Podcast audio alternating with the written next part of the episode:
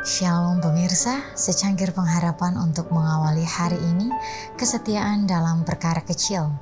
Barang siapa setia dalam perkara-perkara kecil, ia setia juga dalam perkara-perkara besar. Dan barang siapa tidak benar dalam perkara-perkara kecil, ia tidak benar juga dalam perkara-perkara besar.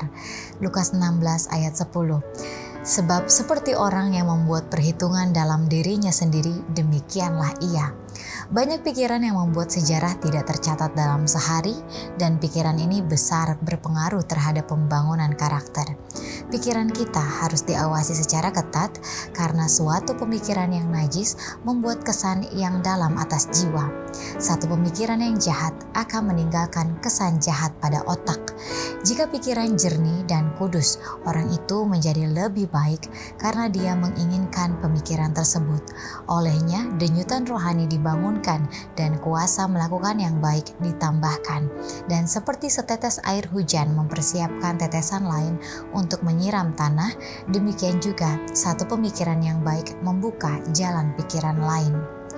Perjalanan terpanjang dimulai dengan satu langkah pada awalnya. Langkah seterusnya akan mengantar kita pada ujung jalan. Rantai yang terpanjang terdiri dari mata-mata rantai tersendiri. Sekiranya satu mata rantai rusak, rantai itu tidak berguna. Demikian juga karakter. Suatu karakter yang seimbang dibentuk oleh satu tindakan yang baik pula. Satu cacat yang dikembangkan seharusnya ditaklukkan membuat seorang tidak sempurna. Menutup baginya gerbang kota suci itu. Ia yang akan masuk surga harus punya karakter tanpa noda atau kerut maupun sejenisnya. Tidak satu pun yang najis masuk ke dalamnya.